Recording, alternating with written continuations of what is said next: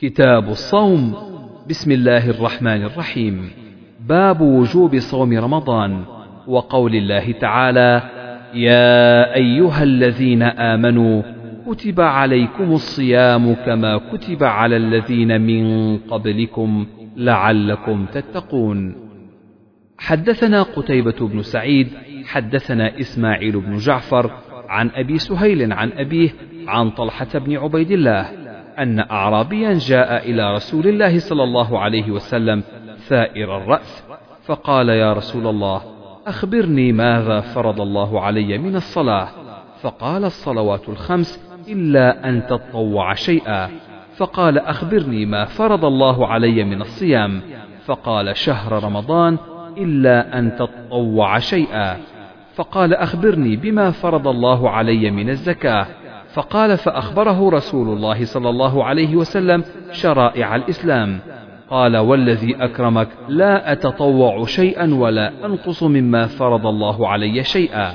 فقال رسول الله صلى الله عليه وسلم أفلح إن صدق أو دخل الجنة إن صدق.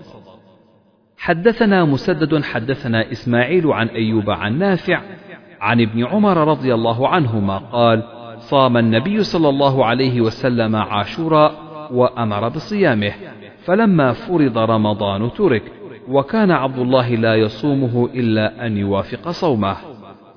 حدثنا قتيبة بن سعيد حدثنا الليث عن يزيد بن أبي حبيب أن عراك بن مالك حدثه أن عروة أخبره عن عائشة رضي الله عنها أن قريشا كانت تصوم يوم عاشوراء في الجاهلية. ثم أمر رسول الله صلى الله عليه وسلم بصيامه حتى فرض رمضان. وقال رسول الله صلى الله عليه وسلم من شاء فليصمه ومن شاء أفطر. باب فضل الصوم.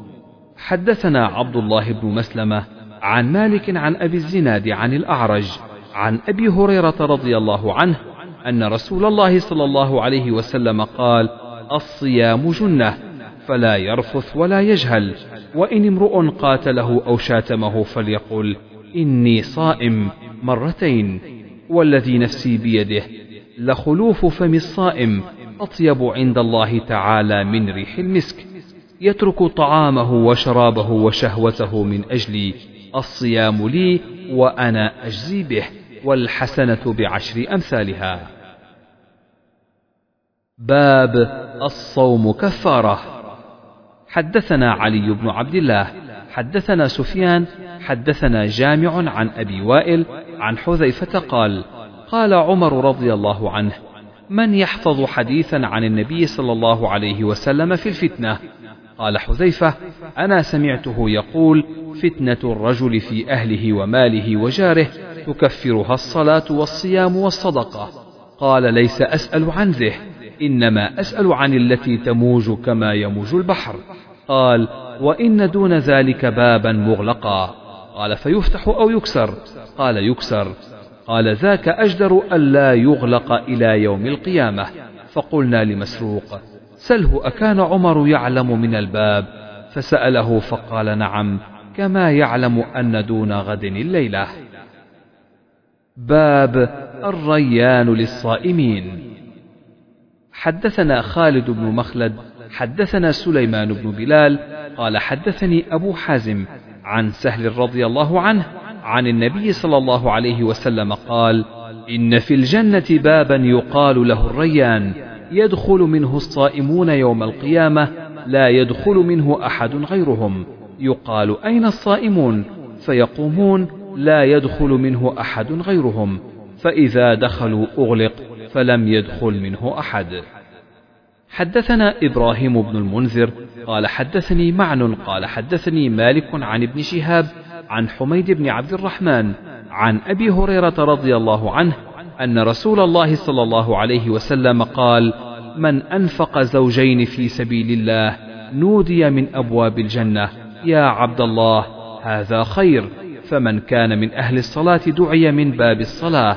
ومن كان من أهل الجهاد دعي من باب الجهاد ومن كان من أهل الصيام دعي من باب الريان ومن كان من أهل الصدقة دعي من باب الصدقة.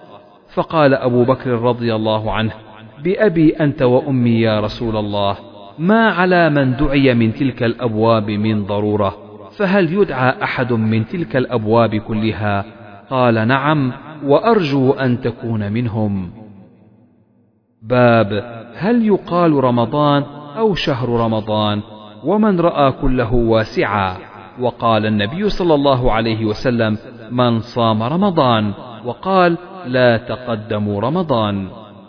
حدثنا قتيبة حدثنا إسماعيل بن جعفر عن أبي سهيل عن أبيه عن أبي هريرة رضي الله عنه أن رسول الله صلى الله عليه وسلم قال إذا جاء رمضان فتحت أبواب الجنة. حدثني يحيى بن بكير قال حدثني الليث عن عقيل عن ابن شهاب قال أخبرني ابن أبي أنس مولى التيميين أن أباه حدثه أنه سمع أبا هريرة رضي الله عنه يقول قال رسول الله صلى الله عليه وسلم إذا دخل شهر رمضان فتحت أبواب السماء وغلقت أبواب جهنم وسلسلة الشياطين. حدثنا يحيى بن بكير قال حدثني الليث عن عقيل عن ابن شهاب قال أخبرني سالم أن ابن عمر رضي الله عنهما قال سمعت رسول الله صلى الله عليه وسلم يقول إذا رأيتموه فصوموا وإذا رأيتموه فأفطروا فإن غم عليكم فاقدروا له وقال غيره عن الليث حدثني عقيل ويونس لهلال رمضان باب من صام رمضان إيمانا واحتسابا ونية. وقالت عائشة رضي الله عنها عن النبي صلى الله عليه وسلم يبعثون على نياتهم. حدثنا مسلم بن إبراهيم حدثنا هشام حدثنا يحيى عن أبي سلمة عن أبي هريرة رضي الله عنه عن النبي صلى الله عليه وسلم قال من قام ليلة القدر إيمانا واحتسابا غفر له ما تقدم من ذنبه ومن صام رمضان إيمانا واحتسابا غفر له ما تقدم من ذنبه. باب أجود ما كان النبي صلى الله عليه وسلم يكون في رمضان. حدثنا موسى بن إسماعيل حدثنا إبراهيم بن سعد أخبرنا ابن شهاب عن عبيد الله بن عبد الله بن عتبة أن ابن عباس رضي الله عنهما قال كان النبي صلى الله عليه وسلم أجود الناس بالخير وكان أجود ما يكون في رمضان حين يلقاه جبريل وكان جبريل عليه السلام يلقاه كل ليلة في رمضان حتى ينسلخ يعرض عليه النبي صلى الله عليه وسلم القرآن. فإذا لقيه جبريل عليه السلام كان أجود بالخير من الريح المرسلة. باب من لم يدع قول الزور والعمل به في الصوم. حدثنا آدم بن أبي إياس حدثنا ابن أبي ذئب حدثنا سعيد المقبري عن أبيه عن أبي هريرة رضي الله عنه قال قال رسول الله صلى الله عليه وسلم من لم يدع قول الزور والعمل به فليس لله حاجة في أن يدع طعامه وشرابه. باب هل يقول إني صائم إذا شتم؟ حدثنا إبراهيم بن موسى أخبرنا هشام بن يوسف عن ابن جريج قال أخبرني عطاء عن أبي صالح الزيات أنه سمع أبا هريرة رضي الله عنه يقول قال رسول الله صلى الله عليه وسلم قال الله كل عمل ابن آدم له إلا الصيام فإنه لي وأنا أجزي به. والصيام جنة وإذا كان يوم صوم أحدكم فلا يرفث ولا يصخب فإن سابه أحد أو قاتله فليقل إني امرؤ صائم والذي نفس محمد بيده لخلوف فم الصائم أطيب عند الله من ريح المسك للصائم فرحتان يفرحهما إذا أفطر فرح وإذا لقي ربه فرح بصومه. باب الصوم لمن خاف على نفسه العزوبة. حدثنا عبدان عن أبي حمزة عن الأعمش عن إبراهيم عن علقمة قال بين أنا أمشي مع عبد الله رضي الله عنه فقال كنا مع النبي صلى الله عليه وسلم فقال من استطاع الباءة فليتزوج فإنه أغض للبصر وأحصن للفرج ومن لم يستطع فعليه بالصوم فإنه له وجاء. باب قول النبي صلى الله عليه وسلم إذا رأيتم الهلال فصوموا وإذا رأيتموه فأفطروا.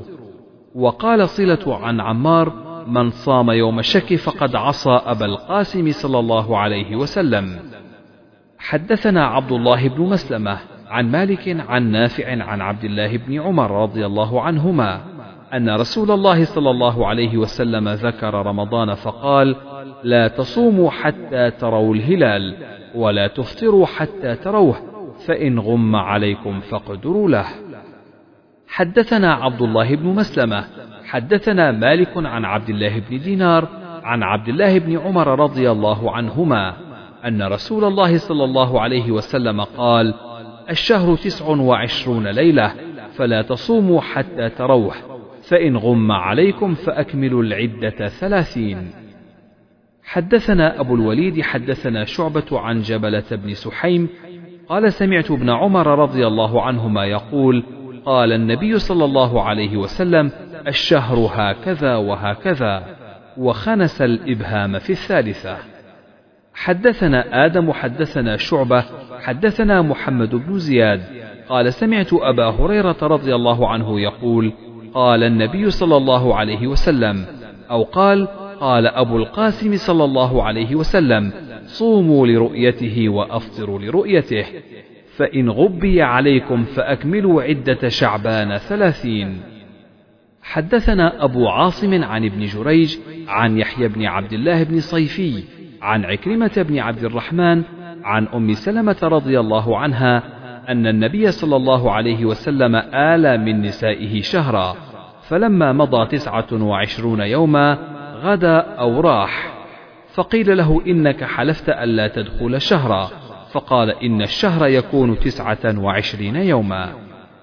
حدثنا عبد العزيز بن عبد الله حدثنا سليمان بن بلال عن حميد عن أنس رضي الله عنه قال آل رسول الله صلى الله عليه وسلم من نسائه وكانت انفكت رجله فأقام في مشربة تسعا وعشرين ليلة. ثم نزل فقالوا يا رسول الله آليت شهرا؟ فقال إن الشهر يكون تسعا وعشرين. باب شهرا عيد لا ينقصان. قال أبو عبد الله قال إسحاق وإن كان ناقصا فهو تمام. وقال محمد لا يجتمعان كلاهما ناقص. حدثنا مسدد حدثنا معتمر. قال سمعت إسحاق عن عبد الرحمن بن أبي بكرة عن أبيه عن النبي صلى الله عليه وسلم. وحدثني مسدد حدثنا معتمر عن خالد الحذاء. قال أخبرني عبد الرحمن بن أبي بكرة عن أبيه رضي الله عنه عن النبي صلى الله عليه وسلم قال شهران لا ينقصان شهرا عيد رمضان وذو الحجة. باب قول النبي صلى الله عليه وسلم لا نكتب ولا نحسب. حدثنا آدم حدثنا شعبة حدثنا الأسود بن قيس حدثنا سعيد بن عمرو أنه سمع ابن عمر رضي الله عنهما عن النبي صلى الله عليه وسلم أنه قال إنا أمة أمية لا نكتب ولا نحسب. الشهر هكذا وهكذا يعني مرة تسعة وعشرين ومرة ثلاثين. باب لا يتقدمن رمضان بصوم يوم ولا يومين. حدثنا مسلم بن إبراهيم حدثنا هشام حدثنا يحيى بن أبي كثير عن أبي سلمة عن أبي هريرة رضي الله عنه عن النبي صلى الله عليه وسلم قال لا يتقدمن أحدكم رمضان بصوم يوم أو يومين إلا أن يكون رجل كان يصوم صومه فليصم ذلك اليوم. باب قول الله جل ذكره أحل لكم ليلة الصيام الرفث إلى نسائكم. هن لباس لكم وأنتم لباس لهن. علم الله أنكم كنتم تختانون أنفسكم فتاب عليكم وعفى عنكم. فالآن باشروهن وابتغوا ما كتب الله لكم. حدثنا عبيد الله بن موسى عن إسرائيل عن أبي إسحاق عن البراء رضي الله عنه قال كان أصحاب محمد صلى الله عليه وسلم إذا كان الرجل صائما فحضر الإفطار فنام قبل أن يفطر لم يأكل ليلته ولا يومه حتى يمسي. وإن قيس بن صرمة الأنصاري كان صائما فلما حضر الإفطار أتى امرأته فقال لها أعندك طعام؟ قالت لا ولكن أنطلق فأطلب لك. وكان يومه يعمل فغلبته عيناه فجاءته امرأته فلما رأته قالت خيبة لك. فلما انتصف النهار غشي عليه. فذكر ذلك للنبي صلى الله عليه وسلم فنزلت هذه الآية. أحل لكم ليلة الصيام الرفث إلى نسائكم ففرحوا بها فرحا شديدا ونزلت وكلوا واشربوا حتى يتبين لكم الخيط الأبيض من الخيط الأسود. باب قول الله تعالى وكلوا واشربوا حتى يتبين لكم الخيط الأبيض من الخيط الأسود من الفجر ثم أتموا الصيام إلى الليل. فيه البراء عن النبي صلى الله عليه وسلم.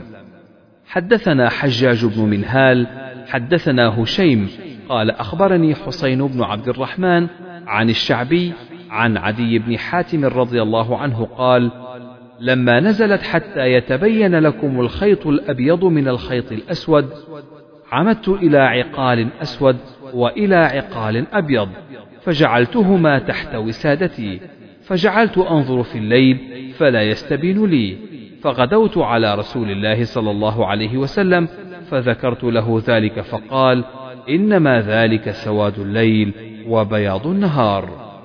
حدثنا سعيد بن أبي مريم حدثنا ابن أبي حازم عن أبيه عن سهل بن سعد حا حدثني سعيد بن أبي مريم حدثنا أبو غسان محمد بن مطرف قال حدثني أبو حازم عن سهل بن سعد قال أنزلت وكلوا واشربوا حتى يتبين لكم الخيط الأبيض من الخيط الأسود ولم ينزل من الفجر فكان رجال إذا أرادوا الصوم ربط أحدهم في رجله الخيط الأبيض والخيط الأسود ولم يزل يأكل حتى يتبين له رؤيتهما فأنزل الله بعد من الفجر فعلموا أنه إنما يعني الليل والنهار باب قول النبي صلى الله عليه وسلم لا يمنعنكم من سحوركم أذان بلال. حدثنا عبيد بن إسماعيل عن أبي أسامة عن عبيد الله عن نافع عن ابن عمر والقاسم بن محمد عن عائشة رضي الله عنها أن بلالا كان يؤذن بليل فقال رسول الله صلى الله عليه وسلم كلوا واشربوا حتى يؤذن ابن أم مكتوم. فإنه لا يؤذن حتى يطلع الفجر. قال القاسم ولم يكن بين أذانهما إلا أن يرقى ذا وينزل ذا. باب تأخير السحور. حدثنا محمد بن عبيد الله حدثنا عبد العزيز بن أبي حازم عن أبي حازم عن سهل بن سعد رضي الله عنه قال كنت أتسحر في أهلي ثم تكون سرعتي أن أدرك السجود مع رسول الله صلى الله عليه وسلم. باب قدر كم بين السحور وصلاة الفجر. حدثنا مسلم بن إبراهيم حدثنا هشام حدثنا قتادة عن أنس عن زيد بن ثابت رضي الله عنه قال تسحرنا مع النبي صلى الله عليه وسلم ثم قام إلى الصلاة. قلت كم كان بين الأذان والسحور؟ قال قدر خمسين آية. باب بركة السحور من غير إيجاب لأن النبي صلى الله عليه وسلم وأصحابه واصلوا ولم يذكر السحور. حدثنا موسى بن إسماعيل حدثنا جويرية عن نافع عن عبد الله رضي الله عنه أن النبي صلى الله عليه وسلم واصل فواصل الناس فشق عليهم فنهاهم قالوا إنك تواصل. قال لست كهيئتكم إني أظل أطعم وأسقى. حدثنا آدم بن أبي إياس حدثنا شعبة حدثنا عبد العزيز بن صهيب قال سمعت أنس بن مالك رضي الله عنه قال قال النبي صلى الله عليه وسلم تسحروا فإن في السحور بركة. باب إذا نوى بالنهار صوما. وقالت أم الدرداء كان أبو الدرداء يقول عندكم طعام؟ فإن قلنا لا قال فإني صائم يومي هذا. وفعله أبو طلحة وأبو هريرة وابن عباس وحذيفة رضي الله عنهم. حدثنا أبو عاصم عن يزيد بن أبي عبيد عن سلمة بن الأكوع رضي الله عنه أن النبي صلى الله عليه وسلم بعث رجلا ينادي في الناس يوم عاشوراء. أن من أكل فليتم أو فليصم ومن لم يأكل فلا يأكل. باب الصائم يصبح جنبا. حدثنا عبد الله بن مسلمة عن مالك عن سمي مولى أبي بكر بن عبد الرحمن بن الحارث بن هشام بن المغيرة أنه سمع أبا بكر بن عبد الرحمن قال كنت أنا وأبي حين دخلنا على عائشة وأم سلمة. خا. حدثنا أبو اليمان أخبرنا شعيب عن الزهري قال أخبرني أبو بكر بن عبد الرحمن بن الحارث بن هشام أن أباه عبد الرحمن أخبر مروان أن عائشة وأم سلمة أخبرتاه أن رسول الله صلى الله عليه وسلم كان يدركه الفجر وهو جنب من أهله ثم يغتسل ويصوم. وقال مروان لعبد الرحمن بن الحارث أقسم بالله لتقرعن بها أبا هريرة. ومروان يومئذ على المدينة. فقال أبو بكر فكره ذلك عبد الرحمن ثم قدر لنا أن نجتمع بذي الحليفة. وكانت لأبي هريرة هنالك أرض. فقال عبد الرحمن لأبي هريرة إني ذاكر لك أمرا ولولا مروان أقسم علي فيه لم أذكره لك.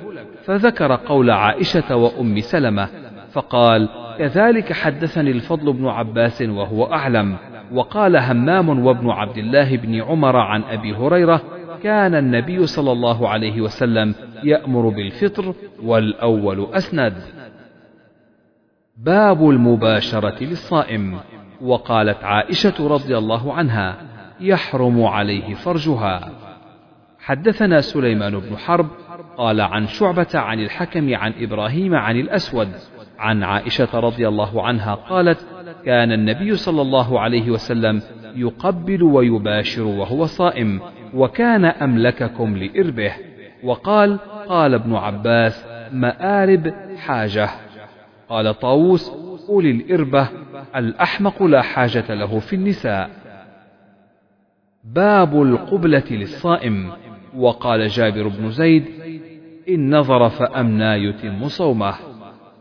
حدثنا محمد بن المثنى حدثنا يحيى عن هشام قال أخبرني أبي عن عائشة عن النبي صلى الله عليه وسلم حا وحدثنا عبد الله بن مسلمة عن مالك عن هشام عن أبيه عن عائشة رضي الله عنها قالت إن كان رسول الله صلى الله عليه وسلم لا يقبل بعض أزواجه وهو صائم ثم ضحكت. حدثنا مسدد حدثنا يحيى عن هشام بن أبي عبد الله حدثنا يحيى بن أبي كثير عن أبي سلمة عن زينب بنت أم سلمة عن أمها رضي الله عنهما قالت بينما أنا مع رسول الله صلى الله عليه وسلم في الخميلة إذ حضت فانسللت فأخذت ثياب حيضتي فقال ما لك أنفست قلت نعم. فدخلت معه في الخميلة وكانت هي ورسول الله صلى الله عليه وسلم يغتسلان من إناء واحد وكان يقبلها وهو صائم. باب اغتسال الصائم. وبل ابن عمر رضي الله عنهما ثوبا فألقاه عليه وهو صائم. ودخل الشعبي الحمام وهو صائم. وقال ابن عباس لا بأس أن يتطعم القدر أو الشيء. وقال الحسن لا بأس بالمضمضة والتبرد للصائم. وقال ابن مسعود إذا كان صوم أحدكم فليصبح دهينا مترجلا. وقال أنس إن لي أبزن أتقحم فيه وأنا صائم. ويذكر عن النبي صلى الله عليه وسلم أنه استاك وهو صائم. وقال ابن عمر يستاك أول النهار وآخرة ولا يبلع ريقه.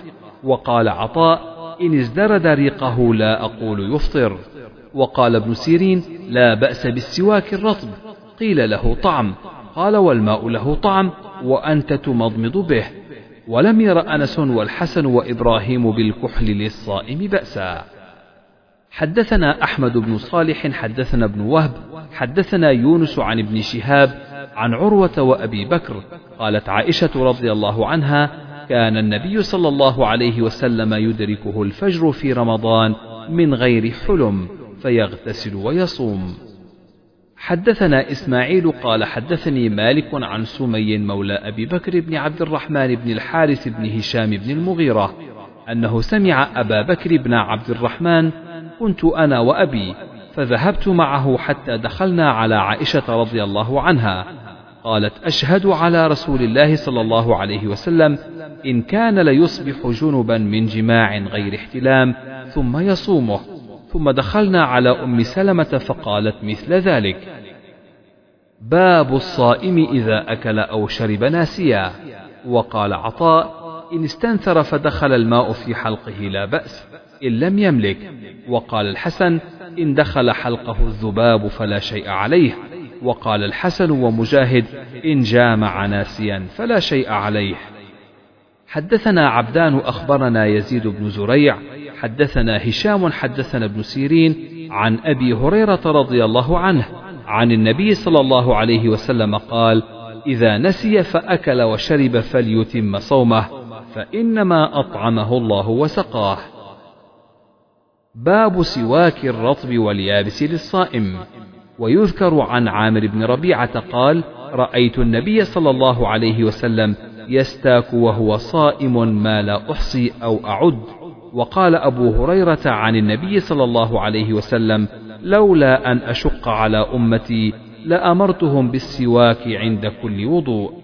ويروى نحوه عن جابر وزيد بن خالد عن النبي صلى الله عليه وسلم ولم يخص الصائم من غيره وقالت عائشة عن النبي صلى الله عليه وسلم مطهرة للفم مرضاة للرب وقال عطاء وقتادة يبتلع ريقه حدثنا عبدان أخبرنا عبد الله أخبرنا معمر قال حدثني الزهري عن عطاء بن يزيد عن حمران رأيت عثمان رضي الله عنه توضأ فأفرغ على يديه ثلاثة ثم تمضمض واستنثر ثم غسل وجهه ثلاثة ثم غسل يده اليمنى إلى المرفق ثلاثة ثم غسل يده اليسرى إلى المرفق ثلاثة ثم مسح برأسه ثم غسل رجله اليمنى ثلاثة ثم اليسرى ثلاثة ثم قال رأيت رسول الله صلى الله عليه وسلم توضأ نحو وضوئي هذا. ثم قال من توضأ وضوئي هذا ثم يصلي ركعتين لا يحدث نفسه فيهما بشيء إلا غفر له ما تقدم من ذنبه. باب قول النبي صلى الله عليه وسلم إذا توضأ فليستنشق بمنخره الماء ولم يميز بين الصائم وغيره. وقال الحسن لا بأس بالسعوط للصائم إن لم يصل إلى حلقه ويكتحل. وقال عطاء إن تمضمض ثم أفرغ ما في فيه من الماء لا يضيره إن لم يزدرد ريقه وماذا بقي في فيه؟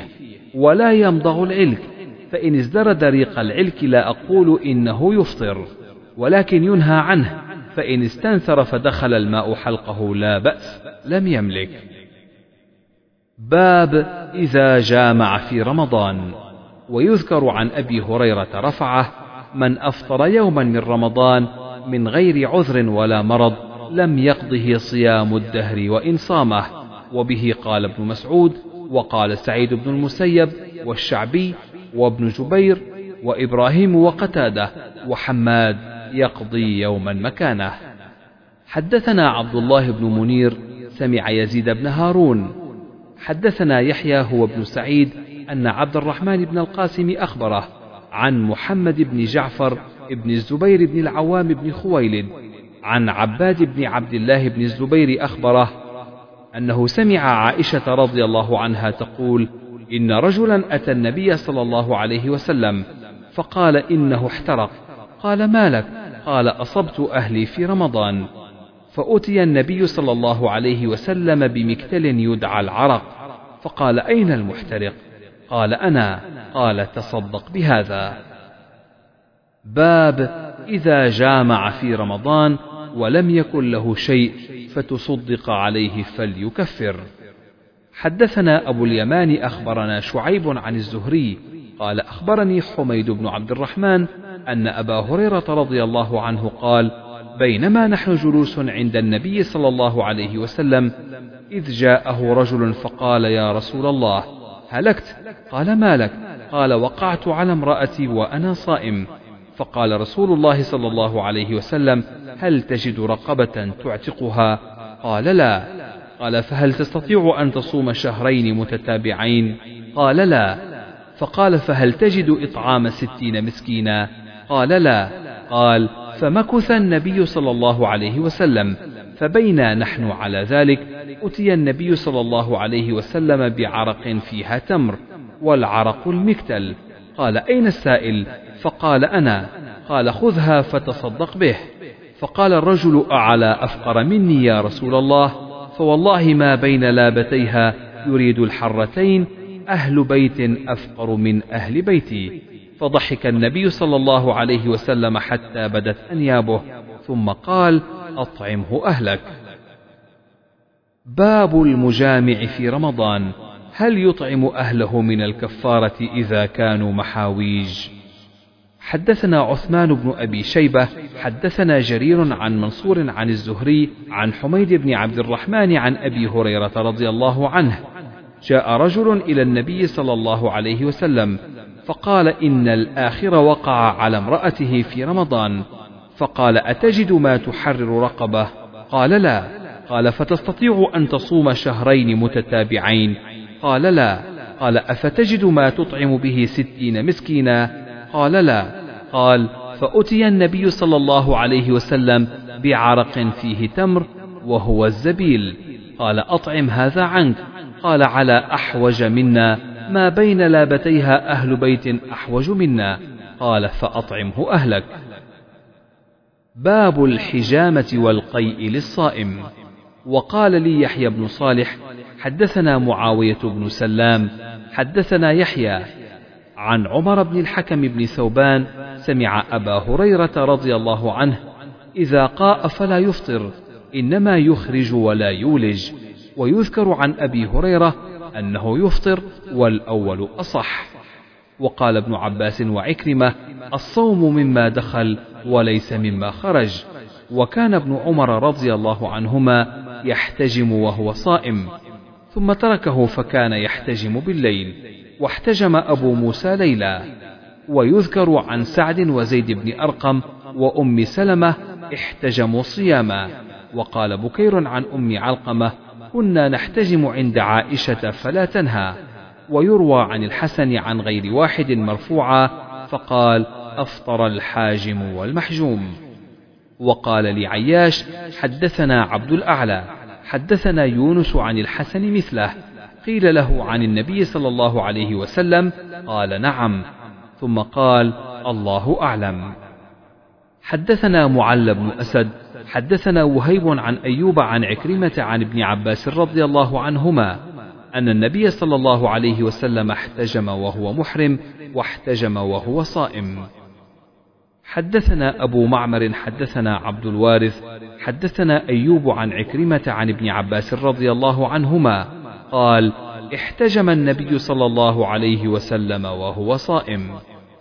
حدثنا آدم بن أبي إياس حدثنا شعبة قال سمعت ثابتا البناني يسأل أنس بن مالك رضي الله عنه أكنتم تكرهون الحجامة للصائم؟ قال لا إلا من أجل الضعف. وزاد شبابه حدثنا شعبة على عهد النبي صلى الله عليه وسلم. باب الصوم في السفر والإفطار. حدثنا علي بن عبد الله حدثنا سفيان عن أبي إسحاق الشيباني سمع ابن أبي أوفى رضي الله عنه قال كنا مع رسول الله صلى الله عليه وسلم في سفر فقال لرجل انزل فاجدح لي. قال يا رسول الله الشمس قال انزل فاجدح لي. قال يا رسول الله الشمس. قال انزل فاجدح لي. فنزل فجدح له. فشرب ثم رمى بيده ها هنا. ثم قال إذا رأيتم الليل أقبل من ها هنا. فقد أفطر الصائم. تابعه جرير وأبو بكر بن عياش عن الشيباني عن ابن أبي أوفى. قال كنت مع النبي صلى الله عليه وسلم في سفر. حدثنا مسدد حدثنا يحيى عن هشام قال حدثني أبي عن عائشة أن حمزة بن عمرو الأسلمي قال يا رسول الله إني أسرد الصوم.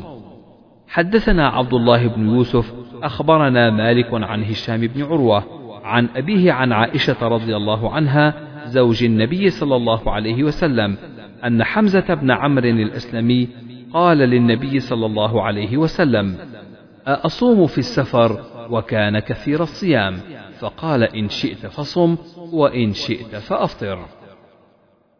باب إذا صام أياما من رمضان ثم سافر. حدثنا عبد الله بن يوسف أخبرنا مالك عن ابن شهاب عن عبيد الله بن عبد الله بن عتبة عن ابن عباس رضي الله عنهما أن رسول الله صلى الله عليه وسلم خرج إلى مكة في رمضان. فصام حتى بلغ الكديد أفطر فأفطر الناس. قال أبو عبد الله والكديد ماء بين عسفان وقديد. حدثنا عبد الله بن يوسف حدثنا يحيى بن حمزة عن عبد الرحمن بن يزيد ابن جابر أن إسماعيل بن عبيد الله حدثه عن أم الدرداء عن أبي الدرداء رضي الله عنه. قال خرجنا مع النبي صلى الله عليه وسلم في بعض أسفاره في يوم حار حتى يضع الرجل يده على رأسه من شدة الحر وما فينا صائم إلا ما كان من النبي صلى الله عليه وسلم وابن رواحة. باب قول النبي صلى الله عليه وسلم لمن ظلل عليه واشتد الحر ليس من البر الصوم في السفر. حدثنا آدم حدثنا شعبة حدثنا محمد بن عبد الرحمن الأنصاري قال سمعت محمد بن عمرو بن الحسن بن علي عن جابر بن عبد الله رضي الله عنهم قال كان رسول الله صلى الله عليه وسلم في سفر فرأى زحاما ورجلا قد ظلل عليه فقال ما هذا؟ فقالوا صائم. فقال ليس من البر الصوم في السفر. باب لم يعب أصحاب النبي صلى الله عليه وسلم بعضهم بعضا في الصوم والإفطار. حدثنا عبد الله بن مسلمة عن مالك عن حميد الطويل عن أنس بن مالك قال كنا نسافر مع النبي صلى الله عليه وسلم فلم يعب الصائم على المفطر ولا المفطر على الصائم. باب من أفطر في السفر ليراه الناس. حدثنا موسى بن إسماعيل حدثنا أبو عوانة عن منصور عن مجاهد عن طاووس عن ابن عباس رضي الله عنهما قال خرج رسول الله صلى الله عليه وسلم من المدينة إلى مكة فصام حتى بلغ عسفان ثم دعا بماء فرفعه إلى يديه ليريه الناس فأفطر حتى قدم مكة وذلك في رمضان. فكان ابن عباس يقول قد صام رسول الله صلى الله عليه وسلم وأفطر فمن شاء صام ومن شاء أفطر. باب وعلى الذين يطيقونه فدية. قال ابن عمر وسلمة بن الأكوع نسختها شهر رمضان الذي أنزل فيه القرآن هدى للناس وبينات من الهدى والفرقان. فمن شهد منكم الشهر فليصمه ومن كان مريضا أو على سفر فعدة من أيام أخر يريد الله بكم اليسر ولا يريد بكم العسر. ولتكملوا العدة ولتكبروا الله على ما هداكم ولعلكم تشكرون. وقال ابن نمير حدثنا الأعمش حدثنا عمرو بن مرة حدثنا ابن أبي ليلى حدثنا أصحاب محمد صلى الله عليه وسلم. نزل رمضان فشق عليهم فكان من أطعم كل يوم مسكينا ترك الصوم ممن يطيقه ورخص لهم في ذلك فنسختها وأن تصوموا خير لكم فأمروا بالصوم. حدثنا عياش حدثنا عبد الأعلى حدثنا عبيد الله عن نافع عن ابن عمر رضي الله عنهما قرأ فدية طعام مساكين قال هي منسوخة. باب متى يقضى قضاء رمضان؟ وقال ابن عباس لا بأس أن يفرق لقول الله تعالى فعدة من أيام أخر. وقال سعيد بن المسيب في صوم العشر لا يصلح حتى يبدأ برمضان.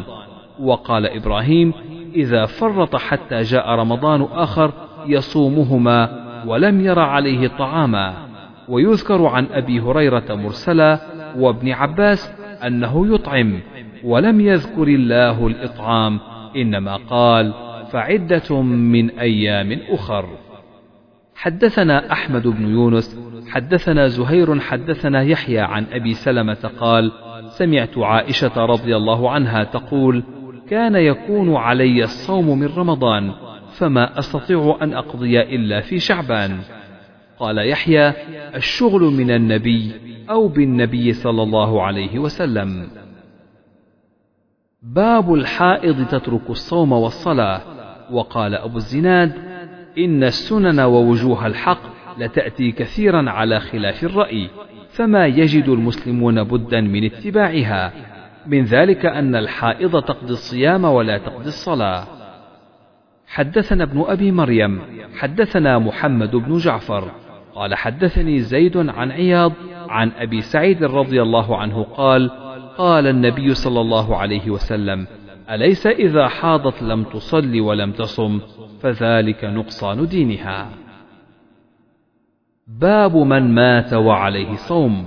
وقال الحسن إن صام عنه ثلاثون رجلا يوما واحدا جاز. حدثنا محمد بن خالد حدثنا محمد بن موسى بن أعين حدثنا أبي عن عمرو بن الحارث عن عبيد الله بن أبي جعفر أن محمد بن جعفر حدثه عن عروة عن عائشة رضي الله عنها أن رسول الله صلى الله عليه وسلم قال من مات وعليه الصيام صام عنه وليه. تابعه ابن وهب عن عمرو رواه يحيى بن أيوب عن ابن أبي جعفر. حدثنا محمد بن عبد الرحيم حدثنا معاوية بن عمرو حدثنا زائدة عن الأعمش عن مسلم البطين عن سعيد بن جبير عن ابن عباس رضي الله عنهما قال جاء رجل إلى النبي صلى الله عليه وسلم فقال يا رسول الله إن أمي ماتت وعليها صوم شهر أفأقضيه عنها؟ قال نعم. قال فدين الله أحق أن يقضى. قال سليمان فقال الحكم وسلمة ونحن جميعا جلوس حين حدث مسلم بهذا الحديث. قالا سمعنا مجاهدا يذكر هذا عن ابن عباس ويذكر عن أبي خالد حدثنا الأعمش عن الحكم ومسلم البطين وسلمة بن كهيل عن سعيد بن جبير وعطاء ومجاهد عن ابن عباس قالت امرأة للنبي صلى الله عليه وسلم إن أختي ماتت. وقال يحيى وأبو معاوية حدثنا الأعمش عن مسلم عن سعيد عن ابن عباس قالت امرأة للنبي صلى الله عليه وسلم إن أمي ماتت. وقال عبيد الله عن زيد بن أبي أنيسة عن الحكم عن سعيد بن جبير عن ابن عباس قالت امرأة للنبي صلى الله عليه وسلم إن أمي ماتت وعليها صوم نذر. وقال أبو حريز حدثنا عكرمة عن ابن عباس قالت امرأة للنبي صلى الله عليه وسلم ماتت أمي وعليها صوم خمسة عشر يوما. باب متى يحل فطر الصائم؟ وأفطر أبو سعيد الخدري حين غاب قرص الشمس. حدثنا الحميدي حدثنا سفيان حدثنا هشام بن عروة قال سمعت أبي يقول سمعت عاصم بن عمر بن الخطاب عن أبيه رضي الله عنه قال قال رسول الله صلى الله عليه وسلم إذا أقبل الليل من ها هنا وأدبر النهار من ها هنا وغربت الشمس فقد أفطر الصائم. حدثنا إسحاق الواسطي حدثنا خالد عن الشيباني عن عبد الله بن أبي أوفى رضي الله عنه قال كنا مع رسول الله صلى الله عليه وسلم في سفر وهو صائم. فلما غربت الشمس قال لبعض القوم يا فلان قم فاجدح لنا. فقال يا رسول الله لو أمسيت. قال انزل فاجدح لنا. قال يا رسول الله فلو أمسيت. قال انزل فاجدح لنا. قال إن عليك نهارا. قال انزل فاجدح لنا. فنزل فجدح لهم فشرب النبي صلى الله عليه وسلم. ثم قال إذا رأيتم الليل قد أقبل منها هنا فقد أفطر الصائم. باب يفطر بما تيسر عليه بالماء وغيره. حدثنا مسدد حدثنا عبد الواحد حدثنا الشيباني قال سمعت عبد الله بن أبي أوفى رضي الله عنه قال سرنا مع رسول الله صلى الله عليه وسلم وهو صائم. فلما غربت الشمس قال انزل فاجدح لنا. قال يا رسول الله لو أمسيت. قال انزل فاجدح لنا. قال يا رسول الله إن عليك نهارا. قال انزل فاجدح لنا. فنزل فجدح. ثم قال إذا رأيتم الليل أقبل منها هنا فقد أفطر الصائم. وأشار بإصبعه قبل المشرق. باب تعجيل الإفطار. حدثنا عبد الله بن يوسف أخبرنا مالك عن أبي حازم عن سهل بن سعد أن رسول الله صلى الله عليه وسلم قال لا يزال الناس بخير ما عجلوا الفطر. حدثنا أحمد بن يونس حدثنا أبو بكر عن سليمان عن ابن أبي أوفى رضي الله عنه قال كنت مع النبي صلى الله عليه وسلم في سفر فصام حتى أمسى. قال لرجل انزل فاجدح لي. قال لو انتظرت حتى تمسي. قال انزل فاجدح لي. إذا رأيت الليل قد أقبل منها هنا فقد أفطر الصائم. باب إذا أفطر في رمضان ثم طلعت الشمس. حدثني عبد الله بن أبي شيبة حدثنا أبو أسامة عن هشام بن عروة عن فاطمة عن أسماء بنت أبي بكر رضي الله عنهما قالت أفطرنا على عهد النبي صلى الله عليه وسلم يوم غيم ثم طلعت الشمس قيل لهشام فأمروا بالقضاء قال بد من قضاء وقال معمر سمعت هشاما لا أدري أقضوا أم لا؟ باب صوم الصبيان. وقال عمر رضي الله عنه لنشوان في رمضان ويلك وصبياننا صيام فضربه. حدثنا مسدد حدثنا بشر بن المفضل حدثنا خالد بن ذكوان عن الربيع بنت معوذ قالت أرسل النبي صلى الله عليه وسلم غداة عاشوراء إلى قرى الأنصار من أصبح مفطرا فليتم بقية يومه ومن أصبح صائما فليصم. قالت فكنا نصومه بعد ونصوم صبياننا ونجعل لهم اللعبة من العهن فإذا بكى أحدهم على الطعام أعطيناه ذاك حتى يكون عند الإفطار. باب الوصال ومن قال ليس في الليل صيام لقوله تعالى ثم أتم الصيام إلى الليل ونهى النبي صلى الله عليه وسلم عنه رحمة لهم وإبقاء عليهم وما يكره من التعمق. حدثنا مسدد قال حدثني يحيى عن شعبة قال حدثني قتادة عن أنس رضي الله عنه عن النبي صلى الله عليه وسلم قال لا تواصلوا. قالوا إنك تواصل. قال لست كأحد منكم. إني أطعم وأسقى أو إني أبيت أطعم وأسقى.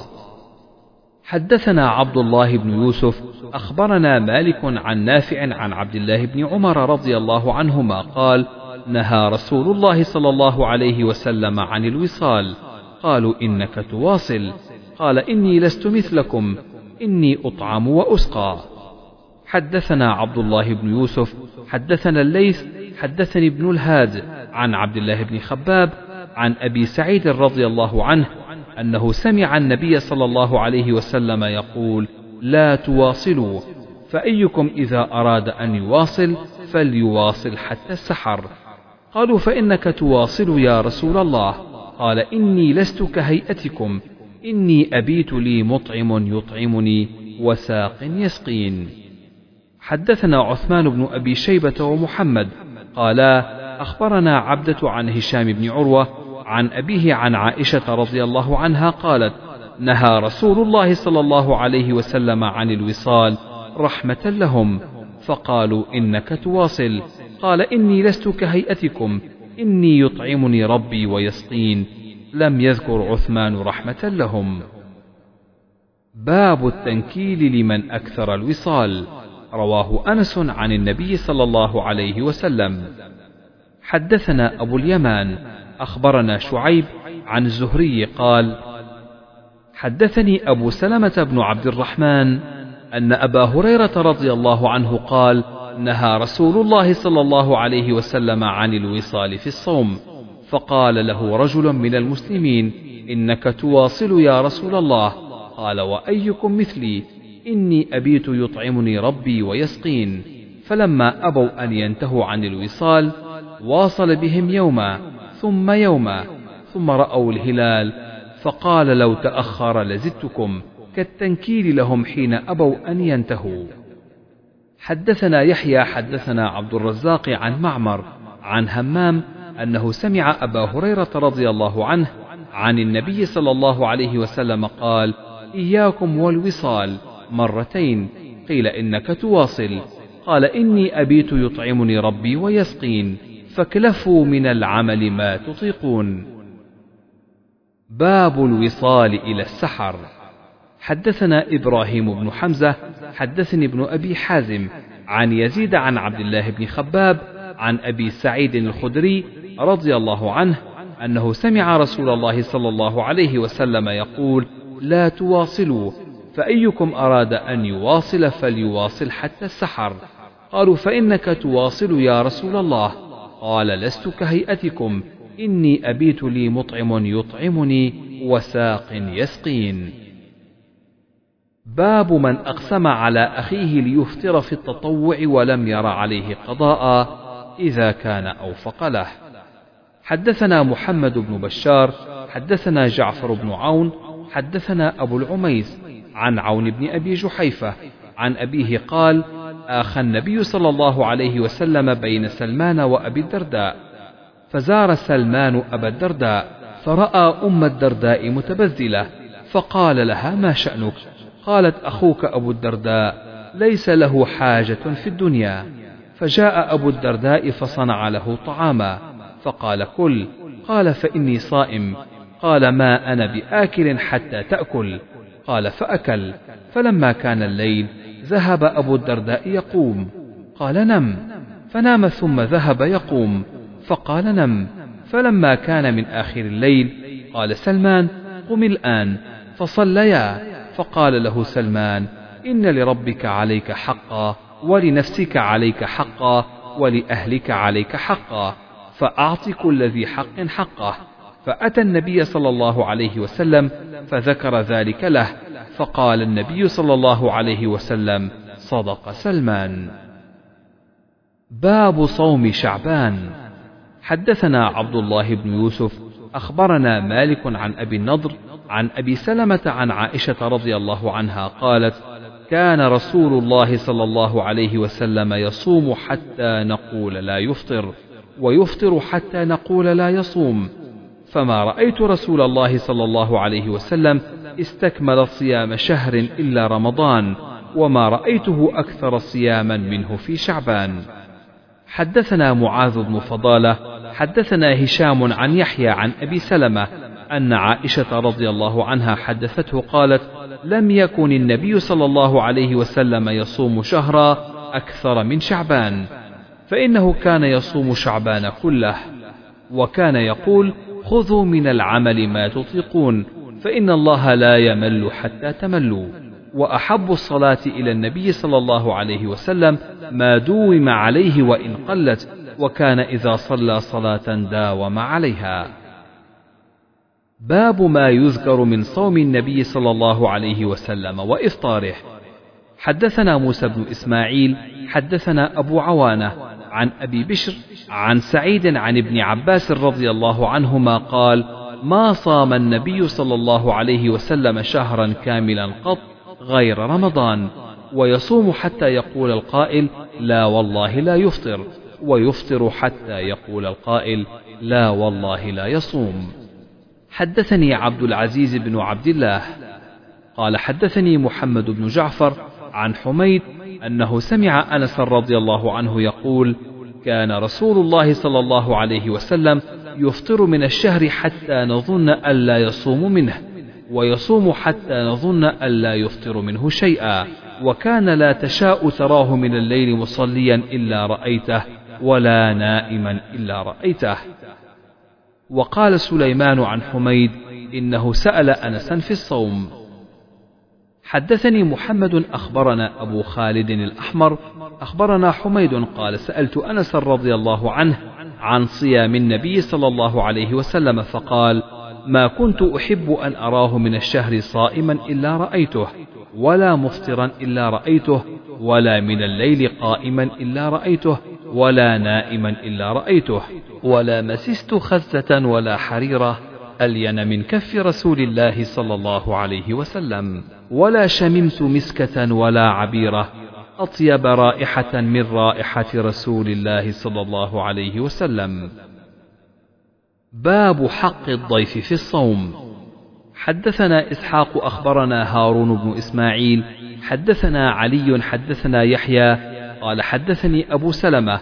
قال حدثني عبد الله بن عمرو بن العاص رضي الله عنهما قال دخل علي رسول الله صلى الله عليه وسلم فذكر الحديث يعني إن لزورك عليك حقا وإن لزوجك عليك حقا.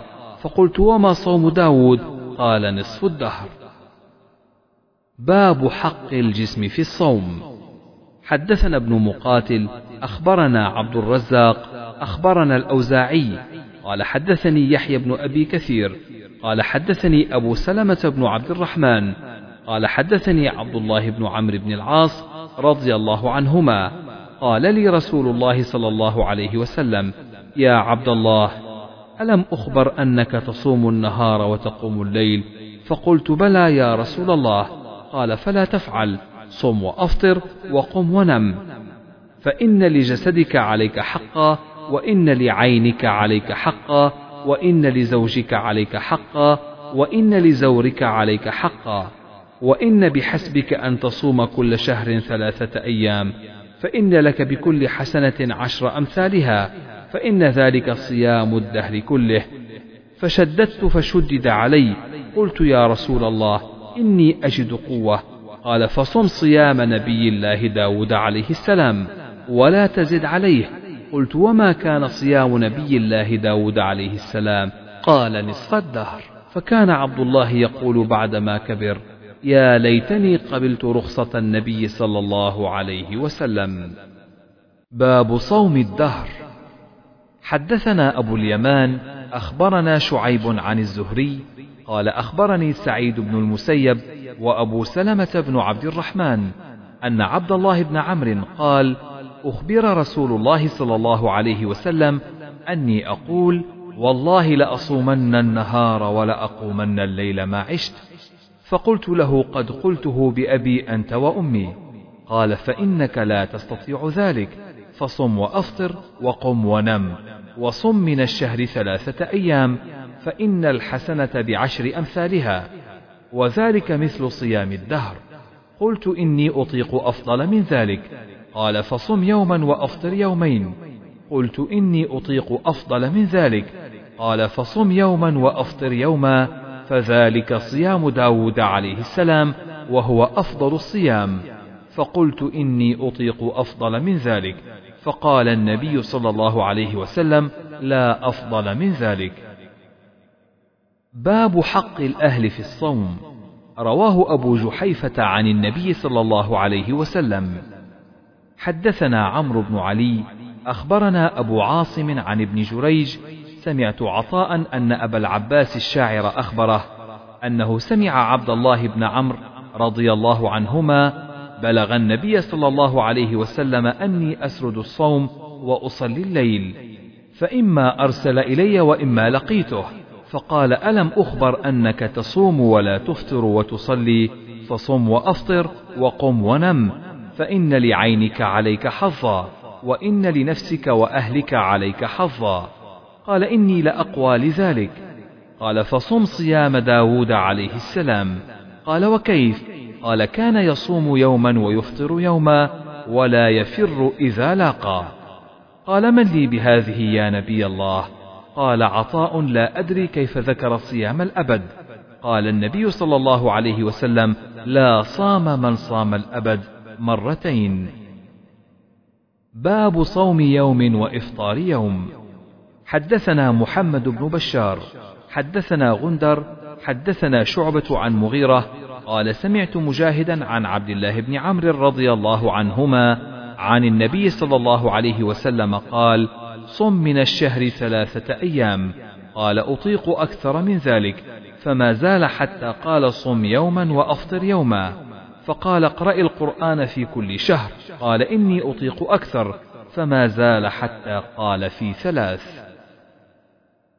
باب صوم داود عليه السلام. حدثنا آدم حدثنا شعبة حدثنا حبيب بن أبي ثابت. قال سمعت أبا العباس المكي وكان شاعرا وكان لا يتهم في حديثه.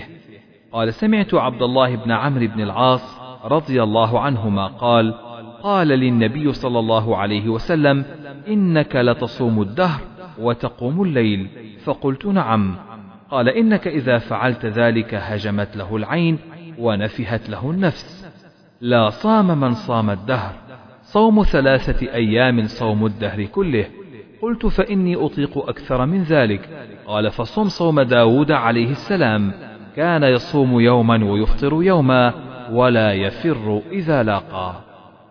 حدثنا إسحاق الواسطي حدثنا خالد عن خالد عن أبي قلابة. قال أخبرني أبو المليح قال دخلت مع أبيك على عبد الله بن عمرو. فحدثنا أن رسول الله صلى الله عليه وسلم ذكر له صومي. فدخل علي فألقيت له وسادة من أدم حشوها ليف. فجلس على الأرض وصارت الوسادة بيني وبينه.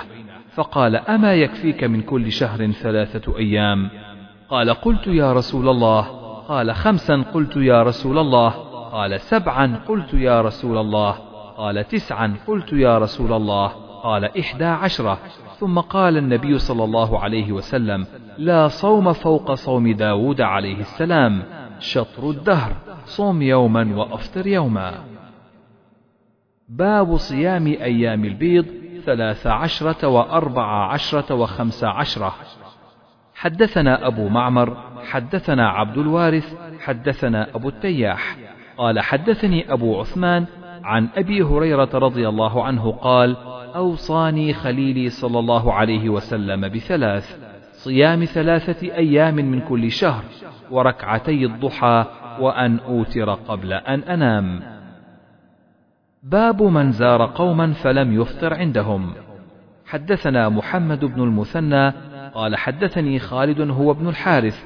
حدثنا حميد عن أنس رضي الله عنه. دخل النبي صلى الله عليه وسلم على أم سليم فأتته بتمر وسمن. قال أعيدوا سمنكم في سقائه وتمركم في وعائه فإني صائم. ثم قام إلى ناحية من البيت فصلى غير المكتوبة. فدعا لأم سليم وأهل بيتها فقالت أم سليم يا رسول الله إن لي خويصة. قال ما هي؟ قالت خادمك أنس فما ترك خير آخرة ولا دنيا إلا دعا لي به. قال اللهم ارزقه مالا وولدا وبارك له فإني لمن أكثر الأنصار مالا. وحدثتني ابنتي أمينة أنه دفن لصلبي مقدم حجاج البصرة بضع وعشرون ومائة حدثنا ابن أبي مريم أخبرنا يحيى قال حدثني حميد سمع أنس رضي الله عنه عن النبي صلى الله عليه وسلم. باب الصوم آخر الشهر. حدثنا الصلت بن محمد حدثنا مهدي عن غيلان وحدثنا أبو النعمان حدثنا مهدي بن ميمون حدثنا غيلان بن جرير عن مطرف عن عمران بن حسين رضي الله عنهما عن النبي صلى الله عليه وسلم أنه سأله أو سأل رجلا وعمران يسمع فقال يا أبا فلان أما صمت سرر هذا الشهر قال أظنه قال يعني رمضان قال الرجل لا يا رسول الله قال فإذا أفطرت فصم يومين لم يقل الصلت أظنه يعني رمضان قال أبو عبد الله وقال ثابت عن مطرف عن عمران عن النبي صلى الله عليه وسلم من سرر شعبان. باب صوم يوم الجمعة فإذا أصبح صائما يوم الجمعة فعليه أن يفطر. حدثنا أبو عاصم عن ابن جريج عن عبد الحميد بن جبير عن محمد بن عباد قال سألت جابرا رضي الله عنه نهى النبي صلى الله عليه وسلم عن صوم يوم الجمعة قال نعم زاد غير أبي عاصم أن ينفرد بصوم. حدثنا عمر بن حفص بن غياث حدثنا أبي حدثنا الأعمش حدثنا أبو صالح عن أبي هريرة رضي الله عنه قال سمعت النبي صلى الله عليه وسلم يقول لا يصومن أحدكم يوم الجمعة إلا يوما قبله أو بعده. حدثنا مسدد حدثنا يحيى عن شعبة حا وحدثني محمد حدثنا غندر حدثنا شعبة عن قتادة عن أبي أيوب عن جويرية بنت الحارث رضي الله عنها أن النبي صلى الله عليه وسلم دخل عليها يوم الجمعة وهي صائمة فقال أصمت أمس؟ قالت لا. قال تريدين أن تصومين غدا؟ قالت لا. قال فأفطري.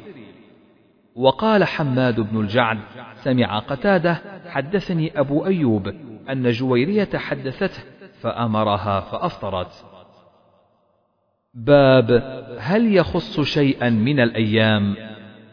حدثنا مسدد حدثنا يحيى عن سفيان عن منصور عن إبراهيم عن علقمة. قلت لعائشة رضي الله عنها هل كان رسول الله صلى الله عليه وسلم يختص من الأيام شيئا؟ قالت لا كان عمله ديمة. وأيكم يطيق ما كان رسول الله صلى الله عليه وسلم يطيق. باب صوم يوم عرفة. حدثنا مسدد حدثنا يحيى عن مالك قال حدثني سالم قال حدثني عمير مولى أم الفضل أن أم الفضل حدثته خا. وحدثنا عبد الله بن يوسف أخبرنا مالك عن أبي النضر مولى عمر بن عبيد الله عن عمير مولى عبد الله بن العباس عن أم الفضل بنت الحارث أن ناسا تماروا عندها يوم عرفة في صوم النبي صلى الله عليه وسلم فقال بعضهم هو صائم وقال بعضهم ليس بصائم فأرسلت إليه بقدح لبن وهو واقف على بعيره فشربه.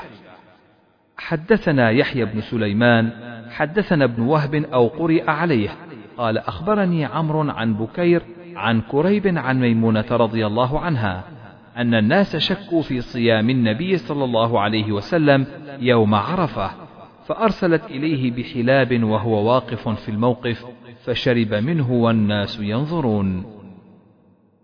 باب صوم يوم الفطر. حدثنا عبد الله بن يوسف أخبرنا مالك عن ابن شهاب عن أبي عبيد مولى بن أزهر قال شهدت العيد مع عمر بن الخطاب رضي الله عنه فقال هذان يومان نهى رسول الله صلى الله عليه وسلم عن صيامهما. يوم فطركم من صيامكم واليوم الآخر تأكلون فيه من نسككم.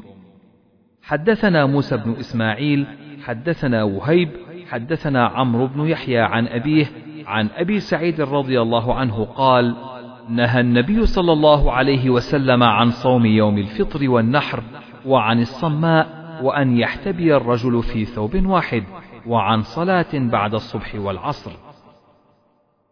باب الصوم يوم النحر. حدثنا إبراهيم بن موسى أخبرنا هشام عن ابن جريج قال أخبرني عمرو بن دينار عن عطاء بن مينا. قال سمعته يحدث عن أبي هريرة رضي الله عنه قال ينهى عن صيامين وبيعتين الفطر والنحر والملامسة والمنابذة. حدثنا محمد بن المثنى حدثنا معاذ أخبرنا ابن عون عن زياد بن جبير قال جاء رجل إلى ابن عمر رضي الله عنهما فقال رجل نذر أن يصوم يوما. قال أظنه قال الاثنين فوافق يوم عيد. فقال ابن عمر أمر الله بوفاء النذر ونهى النبي صلى الله عليه وسلم عن صوم هذا اليوم. حدثنا حجاج بن منهال حدثنا شعبة حدثنا عبد الملك بن عمير قال سمعت قزعة قال سمعت أبا سعيد الخدري رضي الله عنه وكان غزا مع النبي صلى الله عليه وسلم ثنتي عشرة غزوة. قال سمعت أربعا من النبي صلى الله عليه وسلم فأعجبنني. قال لا تسافر المرأة مسيرة يومين إلا ومعها زوجها أو ذو محرم ولا صوم في يومين الفطر والأضحى ولا صلاة بعد الصبح حتى تطلع الشمس ولا بعد العصر حتى تغرب.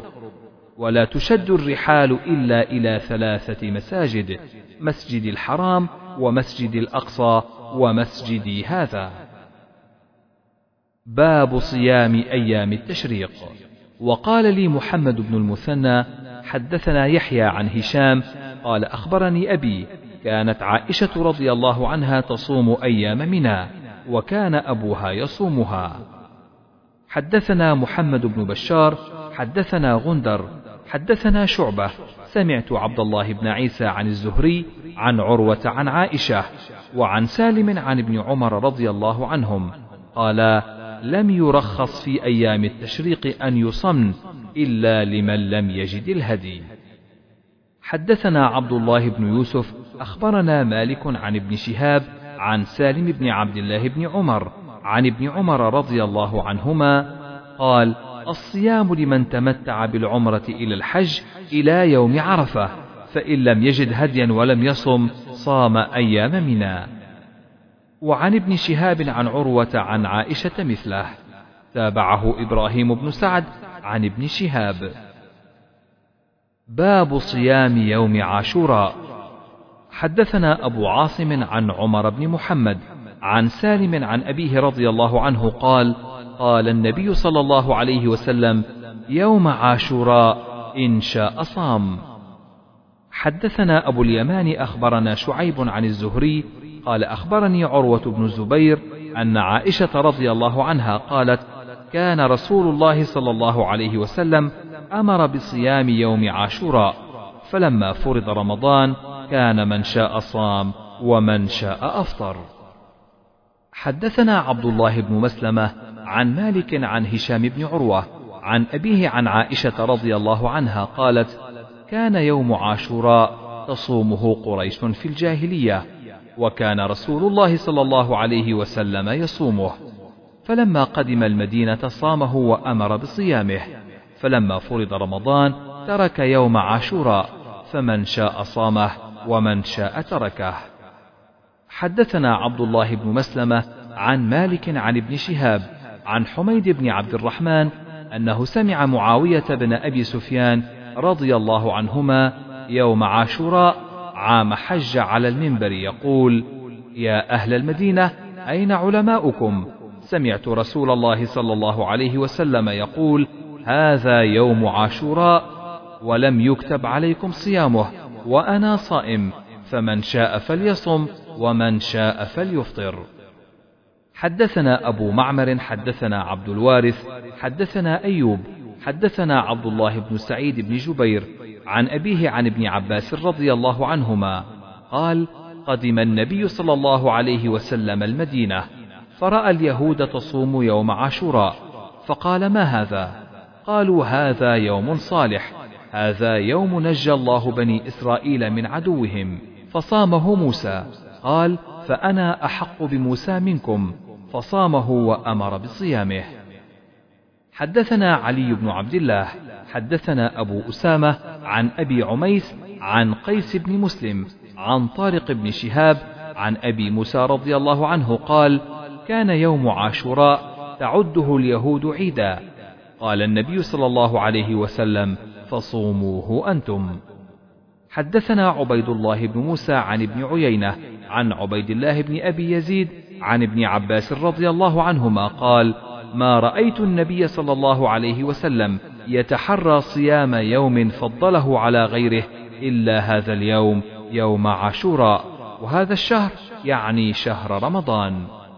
حدثنا المكي بن إبراهيم حدثنا يزيد عن سلمة بن الأكوع رضي الله عنه قال أمر النبي صلى الله عليه وسلم رجلا من أسلم أن أذن في الناس أن من كان أكل فليصم بقية يومه.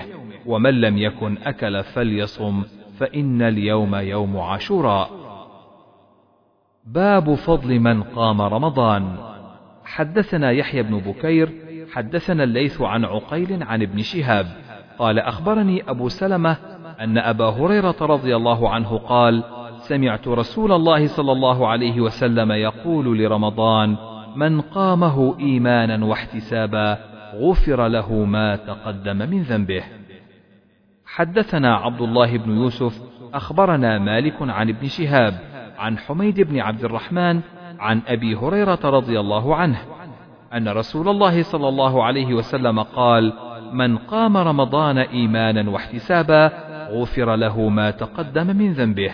قال ابن شهاب فتوفي رسول الله صلى الله عليه وسلم والأمر على ذلك. ثم كان الأمر على ذلك في خلافة أبي بكر وصدرا من خلافة عمر رضي الله عنهما.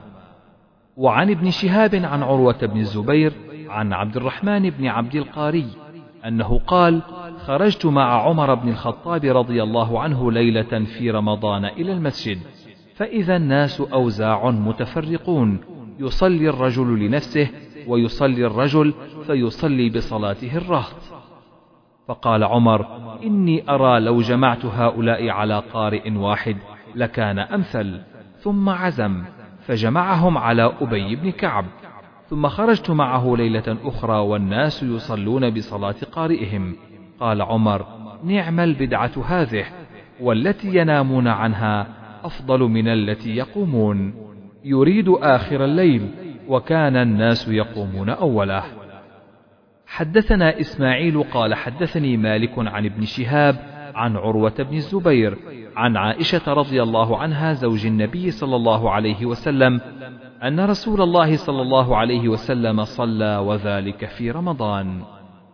حدثنا يحيى بن بكير حدثنا الليث عن عقيل عن ابن شهاب أخبرني عروة أن عائشة رضي الله عنها أخبرته أن رسول الله صلى الله عليه وسلم خرج ليلة من جوف الليل فصلى في المسجد وصلى رجال بصلاته فأصبح الناس فتحدثوا فاجتمع أكثر منهم فصلوا معه فأصبح الناس فتحدثوا فكثر أهل المسجد من الليلة الثالثة فخرج رسول الله صلى الله عليه وسلم فصلى فصلوا بصلاته فلما كانت الليلة الرابعة عجز المسجد عن أهله حتى خرج لصلاة الصبح.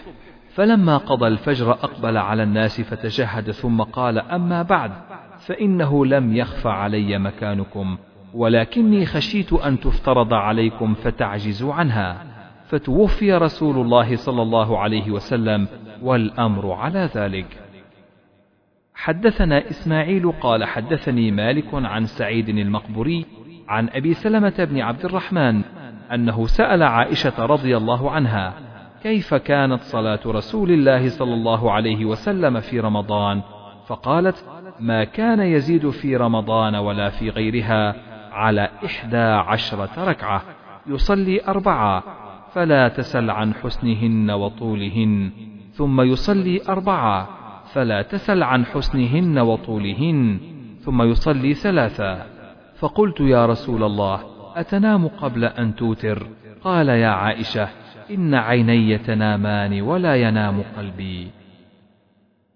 باب فضل ليلة القدر وقول الله تعالى إنا أنزلناه في ليلة القدر وما أدراك ما ليلة القدر. ليلة القدر خير من ألف شهر. تنزل الملائكة والروح فيها بإذن ربهم من كل أمر.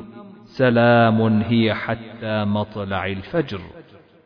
قال ابن عيينة ما كان في القرآن ما أدراك فقد أعلمه وما قال وما يدريك فإنه لم يعلمه. حدثنا علي بن عبد الله حدثنا سفيان قال حفظناه وإنما حفظ من الزهري عن أبي سلمة عن أبي هريرة رضي الله عنه عن النبي صلى الله عليه وسلم قال من صام رمضان إيمانا واحتسابا غفر له ما تقدم من ذنبه. ومن قام ليلة القدر إيمانا واحتسابا غفر له ما تقدم من ذنبه.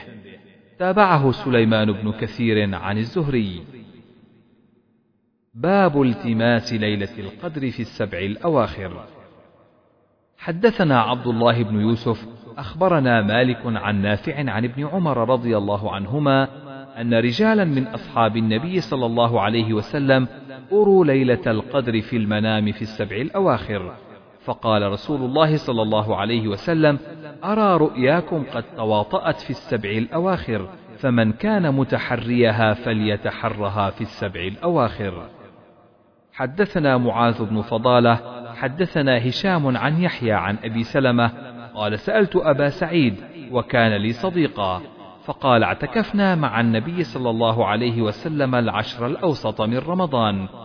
فخرج صبيحة عشرين فخطبنا وقال إني أريت ليلة القدر ثم أنسيتها أو نسيتها فالتمسوها في العشر الأواخر في الوتر وإني رأيت أني أسجد في ماء وطين.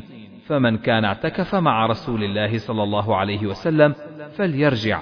فرجعنا وما نرى في السماء قزعة. فجاءت سحابة فمطرت حتى سال سقف المسجد وكان من جريد النخل وأقيمت الصلاة فرأيت رسول الله صلى الله عليه وسلم يسجد في الماء والطين حتى رأيت أثر الطين في جبهته. باب تحري ليلة القدر في الوتر من العشر الأواخر فيه عبادة. حدثنا قتيبة بن سعيد حدثنا إسماعيل بن جعفر حدثنا أبو سهيل عن أبيه عن عائشة رضي الله عنها أن رسول الله صلى الله عليه وسلم قال: تحروا ليلة القدر في الوتر من العشر الأواخر من رمضان. حدثنا إبراهيم بن حمزة قال حدثني ابن أبي حازم والدراوردي عن يزيد عن محمد بن إبراهيم عن أبي سلمة عن أبي سعيد الخدري رضي الله عنه كان رسول الله صلى الله عليه وسلم يجاور في رمضان العشر التي في وسط الشهر. فإذا كان حين يمسي من عشرين ليلة تمضي ويستقبل إحدى وعشرين رجع إلى مسكنه ورجع من كان يجاور معه. وأنه أقام في شهر جاور فيه الليلة التي كان يرجع فيها فخطب الناس فأمرهم ما شاء الله. ثم قال كنت أجاور هذه العشر ثم قد بدا لي أن أجاور هذه العشر الأواخر فمن كان اعتكف معي فليثبت في معتكفه وقد أريت هذه الليلة ثم أنسيتها فابتغوها في العشر الأواخر وابتغوها في كل وتر وقد رأيتني أسجد في ماء وطين. فاستهلت السماء في تلك الليلة فأمطرت فوقف المسجد في مصلى النبي صلى الله عليه وسلم ليلة إحدى وعشرين. فبصرت عيني نظرت إليه انصرف من الصبح ووجهه ممتلئ طينا وماء. حدثنا محمد بن المثنى حدثنا يحيى عن هشام قال أخبرني أبي عن عائشة رضي الله عنها عن النبي صلى الله عليه وسلم قال التمسوا.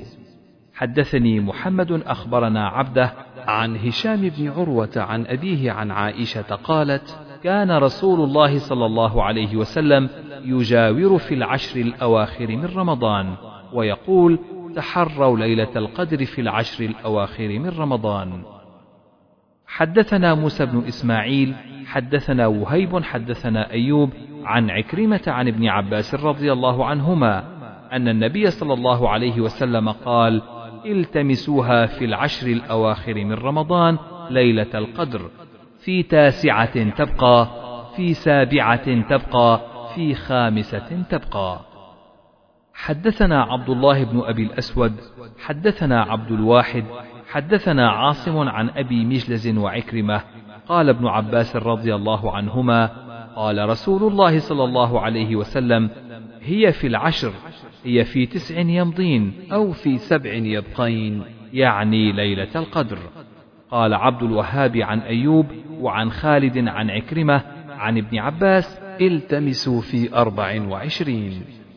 حدثنا محمد بن المثنى حدثنا خالد بن الحارث حدثنا حميد حدثنا أنس عن عبادة بن الصامت قال خرج النبي صلى الله عليه وسلم ليخبرنا بليلة القدر فتلاحى رجلان من المسلمين فقال خرجت لأخبركم بليلة القدر فتلاحى فلان وفلان فرفعت وعسى أن يكون خيرا لكم فالتمسوها في التاسعة والسابعة والخامسة. باب العمل في العشر الأواخر من رمضان. حدثنا علي بن عبد الله حدثنا سفيان عن أبي يعفور عن أبي الضحى عن مسروق عن عائشة رضي الله عنها قالت كان النبي صلى الله عليه وسلم إذا دخل العشر شد مئزره وأحيا ليله وأيقظ أهله. بسم الله الرحمن الرحيم.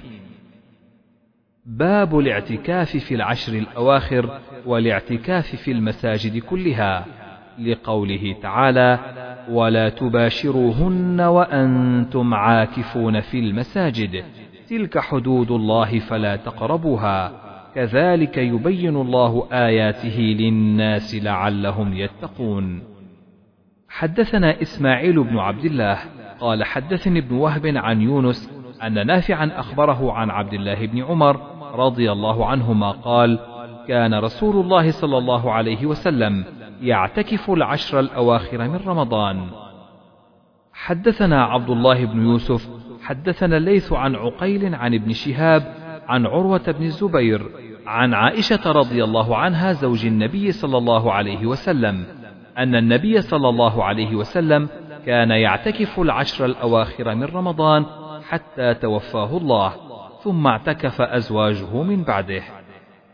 حدثنا إسماعيل قال حدثني مالك عن يزيد بن عبد الله بن الهاد عن محمد بن إبراهيم بن الحارث التيمي عن أبي سلمة بن عبد الرحمن عن أبي سعيد الخدري رضي الله عنه أن رسول الله صلى الله عليه وسلم كان يعتكف في العشر الأوسط من رمضان فاعتكف عاما حتى إذا كان ليلة إحدى وعشرين وهي الليلة التي يخرج من صبيحتها من اعتكافه قال من كان اعتكف معي فليعتكف العشر الأواخر وقد أريت هذه الليلة ثم أنسيتها. وقد رأيتني أسجد في ماء وطين من صبيحتها فالتمسوها في العشر الأواخر والتمسوها في كل وتر فمطرت السماء تلك الليلة وكان المسجد على عريش فوكف المسجد فبصرت عيناي رسول الله صلى الله عليه وسلم على جبهته أثر الماء والطين من صبح إحدى وعشرين. باب الحائض ترجل المعتكف. حدثنا محمد بن المثنى حدثنا يحيى عن هشام قال أخبرني أبي عن عائشة رضي الله عنها قالت كان النبي صلى الله عليه وسلم يصغي إلي رأسه وهو مجاور في المسجد فأرجله وأنا حائض. باب لا يدخل البيت إلا لحاجة. حدثنا قتيبة حدثنا ليث عن ابن شهاب عن عروة وعمرة بنت عبد الرحمن أن عائشة رضي الله عنها زوج النبي صلى الله عليه وسلم قالت وإن كان رسول الله صلى الله عليه وسلم ليدخل علي رأسه وهو في المسجد فأرجله وكان لا يدخل البيت إلا لحاجة إذا كان معتكفا. باب غسل المعتكف.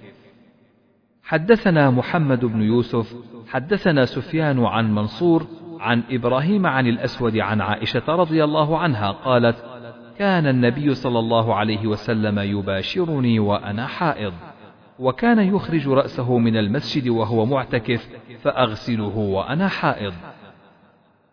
باب الاعتكاف ليلا حدثنا مسدد حدثنا يحيى بن سعيد عن عبيد الله أخبرني نافع عن ابن عمر رضي الله عنهما أن عمر سأل النبي صلى الله عليه وسلم قال: كنت نذرت في الجاهلية أن أعتكف ليلة في المسجد الحرام، قال فأوف بنذرك.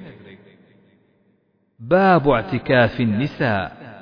حدثنا أبو النعمان حدثنا حماد بن زيد حدثنا يحيى عن عمرة عن عائشة رضي الله عنها قالت: كان النبي صلى الله عليه وسلم يعتكف في العشر الأواخر من رمضان. فكنت أضرب له خباء فيصلي الصبح ثم يدخله. فاستأذنت حفصة عائشة أن تضرب خباء. فأذنت لها فضربت خباء. فلما رأته زينب ابنة جحش ضربت خباء آخر. فلما أصبح النبي صلى الله عليه وسلم رأى الأخبية فقال ما هذا؟ فأخبر فقال النبي صلى الله عليه وسلم آل بر ترون بهن. فترك الاعتكاف ذلك الشهر ثم اعتكف عشرا من شوال. باب الأخبية في المسجد. حدثنا عبد الله بن يوسف أخبرنا مالك عن يحيى بن سعيد عن عمرة بنت عبد الرحمن عن عائشة رضي الله عنها أن النبي صلى الله عليه وسلم أراد أن يعتكف فلما انصرف إلى المكان الذي أراد أن يعتكف إذا أخبيه خباء عائشة وخباء حفصة وخباء زينب. فقال البر تقولون بهن. ثم انصرف فلم يعتكف حتى اعتكف عشرا من شوال. باب هل يخرج المعتكف لحوائجه إلى باب المسجد؟ حدثنا أبو اليمان أخبرنا شعيب عن الزهري قال أخبرني علي بن الحسين رضي الله عنهما. أن صفية زوج النبي صلى الله عليه وسلم أخبرته أنها جاءت رسول الله صلى الله عليه وسلم تزوره في اعتكافه في المسجد في العشر الأواخر من رمضان. فتحدثت عنده ساعة ثم قامت تنقلب فقام النبي صلى الله عليه وسلم معها يقلبها. حتى إذا بلغت باب المسجد عند باب أم سلمة مر رجلان من الأنصار. فسلما على رسول الله صلى الله عليه وسلم. فقال لهما النبي صلى الله عليه وسلم على رسلكما إنما هي صفية بنت حيي. فقال سبحان الله يا رسول الله وكبر عليهما. فقال النبي صلى الله عليه وسلم إن الشيطان يبلغ من الإنسان مبلغ الدم وإني خشيت أن يقذف في قلوبكما شيئا. باب الاعتكاف. وخرج النبي صلى الله عليه وسلم صبيحة عشرين. حدثني عبد الله بن منير سمع هارون بن إسماعيل. حدثنا علي بن المبارك قال حدثني يحيى بن أبي كثير قال سمعت أبا سلمة بن عبد الرحمن. قال سألت أبا سعيد الخدري رضي الله عنه قلت هل سمعت رسول الله صلى الله عليه وسلم يذكر ليلة القدر؟ قال نعم. اعتكفنا مع رسول الله صلى الله عليه وسلم العشر الأوسط من رمضان. قال فخرجنا صبيحة عشرين. قال فخطبنا رسول الله صلى الله عليه وسلم صبيحة عشرين. فقال إني أريت ليلة القدر وإني نسيتها فالتمسوها في العشر الأواخر في وتر فإني رأيت أن أسجد في ماء وطين.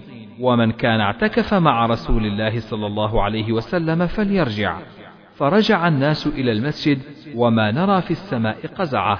قال فجاءت سحابة فمطرت وأقيمت الصلاة. فسجد رسول الله صلى الله عليه وسلم في الطين والماء حتى رأيت الطين في أرنبته وجبهته. باب اعتكاف المستحاضة. حدثنا قتيبة حدثنا يزيد بن زريع عن خالد عن عكرمة عن عائشة رضي الله عنها قالت اعتكفت مع رسول الله صلى الله عليه وسلم امرأة من أزواجه مستحاضة فكانت ترى الحمرة والصفرة فربما وضعنا الطست تحتها وهي تصلي. باب زيارة المرأة زوجها في اعتكافه. حدثنا سعيد بن عفير قال حدثني الليث قال حدثني عبد الرحمن بن خالد عن ابن شهاب عن علي بن الحسين رضي الله عنهما أن صفية زوج النبي صلى الله عليه وسلم أخبرته.